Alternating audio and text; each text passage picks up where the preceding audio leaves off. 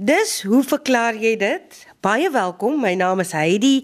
Ons gesels ouer gewoonte vanuit die ateljee van die Universiteit van Stellenbosch. My gaste is Lefras Meton, herpetoloog, Dave Peppler, ekoloog en Yuri van den Heever, paleontoloog. Eerste aan die beurt vandag is Dave Peppler en hy gaan 'n vraag van 'n luisteraar beantwoord.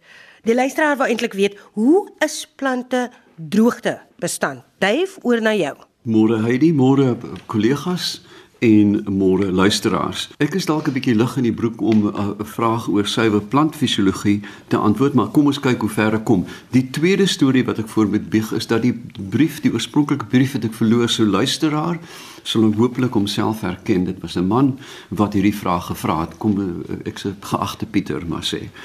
Nou, droogtebesandheid is die vermoë van biomassa, met ander woorde lewende massa in plante om droogte te oorleef en selfs hulle hulle groeivorm te behou. Sommige van die plante in die natuur is natuurlik uit seleksie aangepas um, met beskermingsmeganismes soos byvoorbeeld uitdroging toleransie. Ons dink aan plante wat in tydelike waterplanne groei. Ons waterblommetjies in die Weskaap. Is die hele somer lê hulle daar in 'n klein bolletjie en dan as dit reën skielik. Met ander woorde, hulle droogte tolerant, hulle wag vir die regte tyd. Dan kan plante hulle self detoksifiseer. 'n Mens sien gewoonlik plante wat onder droogtespanne is raak rooi. Um, en dit is 'n um, afbreekproses wat ons later sal bespreek. En dan is daar baie interessante meganisme met die naam van xyleem embolisme waar letterlik afsluiting van die vloeikanale in die groeilaag van die boom of die plant dan gereguleer kan word byna soos met klippe en sê ek gaan nie nou vog opstuur na die takke toe nie, ek gaan dit in die wortels hou. Terloops hierdie eienskappe word natuurlik nou gebruik deesdae om uh gewone tuinplante en en landbougewasse geneties aan te pas. Daar is nuwe meganismes CRISPR wat letterlik binne in die geen ingaan en dan selekteer vir droogte. Um aanpasbaarheid. Nou die meganismes, die stomata uh, van die plant. Plante het klein huidmondjies, ons weet dit almal, en uh, die eerste vlak van beheer is om die grootte en die opening van hierdie die aantal stomata wat oop is te beheer en sê ons wil nie transpireer nie, ons maak toe. Dan is daar karotinoïde afbreking. Ek het net oor gepraat van die rooi kleur. Dieselfde proses in die hers van 'n blare baie mooi soos nou die tyd van die jaar word die meganisme, die chemiese meganisme van die blaar letterlik gestop, die in permanent gestop in terme van ernstige droogte en dit gee vir hom die rooi kleur. Dan is daar die intree van osmobeskermers soos glikose, glisien en ehm um, prolin almal chemiese verbindings wat die plant buffer teen uitdroging. Die korttermynreaksie van plante is soos ek gesê het die stomate wat beheer word, minder koolstofassimilasie in die stam, daar is hidroverskille wat beteken dat die plant willens en wetens kan afsluit. Sê boergrond wil ek nou geen beweging van plantsappe hê nie. En In die wortels is daar osmotiese aanpassings. Ons weet van turgor wat wortels hulle vorm laat behou en ook baie sterk is wat klippe kan breek en hier word dan 'n spel in die argitektuur van die wortelstelsel gespeel om osmotiese aanpassings te maak en dit af te sluit waar daar maksimum verdroging is. Boergrond, so 'n plant wil gaan dan minder groei, gaan somerslaap en gaan uh, chemiese beheer in die blare toepas ondergrond is daar turgor behoud met ander woorde die spanning moet in die wortel behou word sodat hy as daar enige moontlikheid is van opname moet uh, turgor nog sorg dat die wortel uh, gereed is om dit te gebruik. Um daar is selfs deurlopende wortelgroei selfs in die eerste droogte om verder water te soek. Penwortels byvoorbeeld wat baie diep afgaan. Dan is daar ook natuurlik geselekteerde aanpassings soos jaarplante. Namaqualand 'n pragtige voorbeeld van 2 of 3 jaar um, onder droogte en dan reën dit goed in die winter en dan jy hierdie ontploffing van lewe wat dan baie kortstondig is en wie baie gou saad maak en weer vrek. Daar is uh, droogte omseilers wat groei as daar net ook um, water beskikbaar is. Droogte verduurders, xerofiete, plante wat spesifiek aangepas is en dan die ware droogte weerstandig is, die vetplante wat ons bekend staan, die groot kaktusse van Amerika en uh natuurlik die pragtige vetplante wat ons in die Karoo en die Klein Karoo het. Laastens dan die strukturele aanpassings, die stomata, die huidmondjies, die getalle word beperk. Die opening daarvan word gereguleer. Plante wat aangepas is teen droogte, verloor soms alle blare. In die fynbos het ons byvoorbeeld Bubartia wat lyk na 'n um, na 'n besembos, maar eintlik sy blare verloor het en dat die die stammetjies letterlik fotosinteer. En dan het ons natuurlik ondergrondse strukture of knolle soos kambroe en vele ander voorbeelde.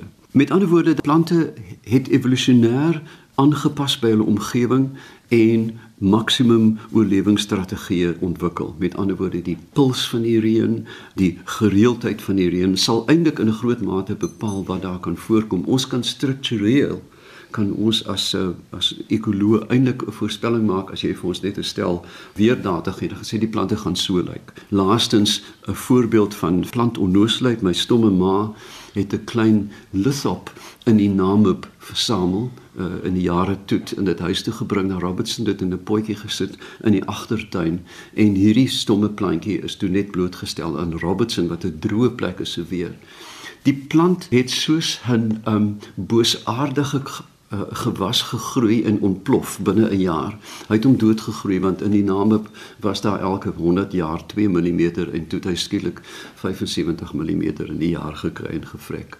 So dit is 'n vervlegte 'n uh, spel tussen plant en omgewing wat bepaal hoe droogtebestendig is. Dave, ek dink nou net jy het nou heelwat ook van wortels of die wortelstelsel gesê is droogtebestande plante het hulle noodwendige omvangryke wortelstelsel is dit nie so dat in baie droogte gebiede dat die plante ook baie oppervlakkige wortels het? Eerder want dit reën so min in die water is net op die oppervlak. Jy's doodreg Lefrassen, dit geld veral in die Karoo op die sogenaamde druplyn van die plant. Daar is die wortels letterlik aan die oppervlakte, maar net langs aan staan 'n akasia karoo met 'n penwortel wat langer is as die boom self. So dis 'n strategie afhangend van watter groeivorm jy het. Baie dankie aan Dave Peppler. Soos voorheen beloof, daai vraag van 'n luisteraar aan Lefras Maton, hoekom swem goudvisse soms onderste bo? Heidi, luisteraars en my twee kollegas hierso. Ons het 'n e-pos ontvang van Cornelia Swart en sy sê kan julle op hoe verklaar jy dit vir ons verduidelik hoekom een van ons goue visse vir ure onderste bo op die oppervlak van die visstank se watervlak sal lê? Ons het al dikwels gedink die vis is dood net om te sien dat hy weer omdraai en verder swem. Nou dit is 'n baie algemene verskynsel, mense wat visse aanhou in 'n visstammetjie of in 'n in 'n watertank. In die algemeen staan hierdie toestand bekend as swemblaas siekte. Nou dit is 'n baie wye term en dit dit kan verskeie oorsake hê. Wat is 'n swemblaas? Dink al ons beenvisse of meeste van die beenvisse het 'n struktuur in die lyf Dit is dorsaal geleë bo die spysverteringskanaal. Gewoonlik bestaan dit uit twee kamers. Is maar 'n sak 'n vol gas gevul en daardie swemblaas beheer die dryf vermoë van die vis en natuurlik die vis se swaartepunt lê aan die onderkant sodat dit help ook om die vis te stabiliseer in 'n spesifieke posisie waar dan mos nou maar uh, vertikaal in daardie posisie is. Nou as die funksie van hierdie swemblaas beïnvloed word, dan het die dier nie daardie vermoë om regop te bly nie en dan dop hy om. En dit is wat hierso nou maar gebeur en daar's verskeie oorsake. Ons gaan nou net daarop in diepte ingaan nie. Byvoorbeeld ons weet miskien baie keer die hierdie vlokkies uh wat op die water dryf viskos en dan 'n sekere vis mag dit nou meer doen as ander wanneer hy nou hap na die vlokkie dan sluk hy 'n klomp lug ook in nou sy spysverteringskanaal is nou vol lug dan gaan hy nou omdop want sy dryfvermoë die hele balans is nou versteur So dan eindelik die meer ernstige geval is waar daar 'n bakteriese infeksie van die swemblaas is en ja, dan sal dit nou net 'n spesifieke vis affekteer en dit mag nou 'n probleem wees. Nog ander oorsake gaan maar meer oor hoe jy kos gee. So ek sal aanraai dat Cornelia maar bietjie gaan raad vra by uh iemand 'n uh, troeteldier winkel wat visse het en hulle sal presies weet hoe om die storie te hanteer. Maar ek wil van die geleentheid gebruik maak net om ietsie te sê oor swemblaas. Want ja, dit is 'n 'n baie interessante ding. Dit kom soos ek sê by beenvisse voor en dit speel 'n baie belangrike rol in die see om daardie diepte te kry waar die vis met groot gerief dan kan rondswem. Ons wat al geduik het, Dave het jou perlemoen uitgehaal en Yuri jy was ook al onder die water vir 'n kort tydjie want jy kan mos eerlik swem maar. Uh, dit is 'n is 'n probleem as jy daai duikpak aan het want water is 'n digte medium en en jy is geneig om te dryf op die oppervlak. Die duikers sit dan nou, ek praat nou van snorkel duikers, seker maar ander ook, jy bind so 'n gordel met loodstukke om jou middellyf sodat jy kan sink. Nou visse het ook daardie probleem omdat dit water so 'n digte medium is. Nou moet hulle hulle vinnig gebruik om af te gaan en op te kom en dit dit vat baie energie. Uh nou gelukkig in die evolusie van beenvisse op 'n stadium het longe ontwikkel. Nou ons weet in varswateromstandighede longe dat daar was die suurstofgehalte in die water laag is. Visse gebruik mos hulle kiewe om water te haal, maar hy het hulle beginne lighap en daai in seker aanvanklik in die spysverteringskanaal kon hulle suurstof absorbeer uit daardie lug uit en oor tyd nou het uh longe ontwikkel, daar buise ontstaan en aparte kamers uh waar suurstof dan nou kon opgeneem het. En hierdie longe wat dan nou meeste van die tyd met gas gevul is, het sommer dadelik ook dan hierdie rol begin vervul deurdat dit nou ook gebruik kan word om die diepte waar die vis swem in die waterkolom in die see uh te beheer. So uh as hulle onder op die bodem wil swem, dan moet hulle daai uh, swemblaas leeg wees. As hulle bo op die oppervlak wil swem, moet hy vol wees. So longe en swemblase is basies dieselfde ding. Dit is verskillende ontwikkeling stadia. So die swemblase vir ons die landwerveldiere, dis waar als dan oorspronklik vandaan gekom het. Baie dankie aan Lefras Mouton. Yuri, hoekom verkrummel bakstene? Dit is jou vraag. Goeiemôre Heidi, kollegas en luisteraars. 'n Brief van uh, kleintjie Silje van Alberton met 'n foto by. Uh, en sy sê my stoep is van suurstene gebou En onder naby die vloer is een van die bakstene besig om bietjie bietjie te verkrummel. Elke eenmaal per week as ek my son stoep, vee lê daar stukkies bakstene en ek wonder nou waar kom hierdie krummels vandaan? Is dit moontlik dat dit dalk termiete kan wees vir die baksteen van die binnekant af vreet. Nou die een ding kleintjie wat ek dadelik vir jou kan sê, dit is definitief nie termiete nie. Dis nie die styl van termiete om bakstene uh te vreet nie. My eerste reaksie was toe ek die foto gesien het was dat jy het 'n baksteen wat nie uh goed genoeg gebak is nie. En om seker te maak het ek toe na 'n plaaslike baksteenverkoper gegaan en ook gesels met 'n plaaslike baksteenvervaardiger. En meneer Meinand Kaars het my toe ingelig dat wanneer bakstene gemaak word in hierdie groot oonde, mens sien dikwels hierdie geweldige gepakte oonde met bakstene en dikwels trek daar nog so rookie uit dat die middelste gedeelte van so 'n oond is die warmste terwyl dit koeler is aan die kante. En wanneer suurstene gemaak word wat voldoen aan die Suid-Afrikaanse Buro van Standaarde se uh formules dan is dit gewoonlik die bakstene wat uit die middel van die oond kom wat ons dan suurstene noem wat baie hard gebak is en ook baie duursaam is. Maar die bakstene wat aan die kante van die oonde voorkom kan dan nie so warm word nie en die kwaliteit is nie die wat voldoen aan die SABS se standaarde nie. En sulke bakstene behoort dan verkoop te word as bou en pleisterstene. Uh so om die baksteen dan te behou moet jy hom met sement pleister. En meneer Kaars dink nadat hy die foto gesien het wat hier gebeur het is dat jy so 'n halfwas suursteen onder jou regte suurstene gehad het en die baksteen eintlik gepleister moes gewees het. So dit is hoekom hy nou mettertyd besig is om uh, te verkrummel.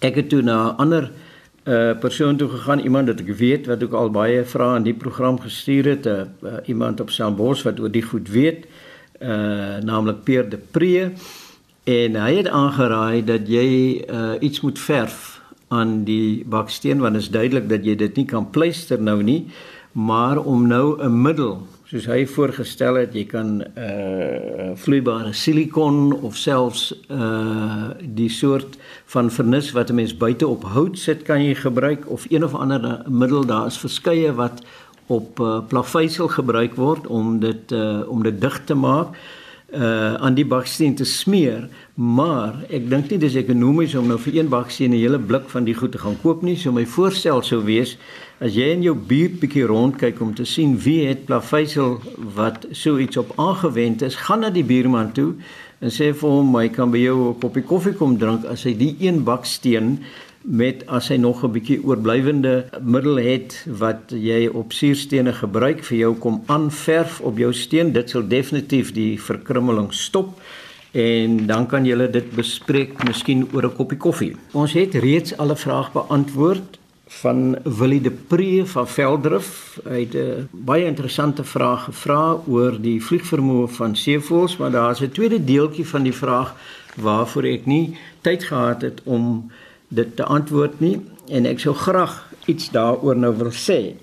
Hy sê nog 'n interessante feit wat hy opgemerk het is die gedrag van swartrug meeuwe in veldrif. As hulle nou 'n swart mossel bekom het, dan vlieg hulle gewoonlik so 15 meter op in die lug bokant 'n teerpad en dan laat hulle die swart mossel val, dan breek die swart mossel en dan kan hulle nou dit eet. Ek wil graag weet hoe dink ons het dit gebeur en dan in die tweede plek het hy ook waargeneem dat van die jonger swartrugmeeu nou nog nie so goed is met hierdie uh truc wat hulle doen nie. So hulle vlieg met die swart mossel in die bek kom tot bo en dan daal hulle weer af en dan sit hulle die swart mossel saggies neer op die teer. So hulle is duidelik nog nie onderrig of uh, gewoond aan om dit te doen nie. Nou die gedrag wat jy hier beskryf van die voëls en duif, jy sal seker saamstem, is wel bekend onder uh, ander diere ook ehm um, dat hulle deur uh gewoonte of toeval iets bekom of 'n gedrag begin en dan word dit nageaap deur uh, ander diere. Nou baie goeie voorbeeld wat ons van weet is op die Japaneese eiland Kojima waar daar sedert die 1950s makaakape, die Macaca fuscata groepe ape is en een van die wyfies het op 'n dag begin om die patats wat hulle eet te was.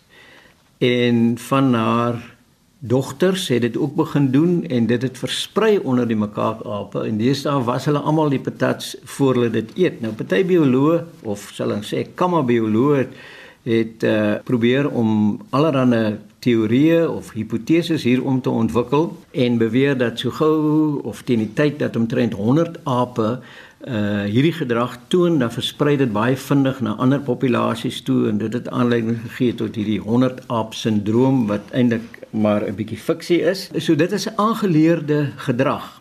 En uh ons weet byvoorbeeld kraaie doen dit uh ander voëls baie baie slim voëls kraaie en ons het hulle al baie gesien op die nasionale paaie as daar nagdiertjies doodgery word dan sit hulle wag hulle almal op die telefoondrade en dan het hulle nou hierdie amper so 'n restaurant waar hulle kan gaan eet in die dag. So hulle is slim genoeg om die gedrag aan te leer. Nou ek het onlangs 'n artikel gelees, Duif, ek weet nie of jy dink dit is waar nie, maar die persoon wat dit geskryf het, het beweer dat kraaie agtergekom het dat by groot verkeerskruisings waar daar nou verkeersligte is, het die kraaie opgemerk dat die motors stop en ry dan weer en stop en ry en die bewering is dat hulle dan uh, moeilik breekbare voedsel, miskien klein skilpaadjies of iets dan daar gaan neersit. As die voertuie stop, dan wag hulle tot die voertuie gery het en dan as hulle weer stop, dan gaan eet hulle. Is jy bewus van hierdie of weet jy niks daarvan nie? Ek het die storie te loops raak gelees. Ek dink nie dis gepubliseerde materiaal nie. Hmm. Maar Yuri, ja, die die kraai laat wel die skilpaaie die lug uitval. Uitval. Ja. Ja. So nee, dis uh dis reg. Ek noem maar die storie. Uh, ons kan dit nie verifieer nie. Wat ek wel persoonlik al op uh, videomateriaal gesien het is dat daar visse is wat dit doen. En een besondere vis, koraalvis, ek het nie die naam aangeteken nie, het die manier om soggens skulpdiertjie te gaan vang, gaan optel en die neem dit dan terug na wat gelyk het soos 'n stuk dooie koraal met 'n holte in en die vis gaan dan deur die aksies om die skulp op te tel en dit herhaaldelik teen die wand van die struktuur te gooi totdat die skulp gekraak het en dan eet hy dit. Uh so hierdie soort van gedrag is bekend onder verskillende diere en uh kraaie omdat hulle ek dink besondere intelligente voëls is, het dit aangeleer en my vermoede is as jy nou vra hoe kon dit gebeur het, my vermoede is dat dit doodgewoon per ongeluk gewees het dat een of ander kraai het met 'n swart mossel gevlieg en dit het sy bek geval op die teer en daar's die reaksie en dit was die sneller gewees om hierdie gedrag te herhaal en die die jonger voëls aap nou net die ouer voëls naam. Yuri, dis 'n boeiende onderwerp vir my van die mooiste voorbeelde is in aan die kus van Kalifornië, die seeotters wat op hmm. hulle rug dryf en dan 'n klip op die bors sit en dan met 'n ander klip die mossels fyn slaan. Hierdie gedrag is idiosinkraties en uh, is word gebondel gevind. Jy kan 10 km verder doen hulle dit nie en dan vind jy weer 'n groep wat dit doen. So dis duidelik aangeleerde gedrag. Baie dankie aan my gaste, baie dankie Dave, dankie Yuri en baie dankie aan Lefras. Ek hoop julle vrae is beantwoord. Baie interessante onderwerpe weer gewees vandag. Indien jy 'n vraag het vir enige van ons kenners, ons slim mense, kan jy vir ons 'n brief skryf na hoe verklaar jy dit posbus 2551 Kaapstad 8000 of jy kan vir my 'n e-pos stuur. Dis Heidi by rsg.co.za. H A I D E E. Lekker dag verder.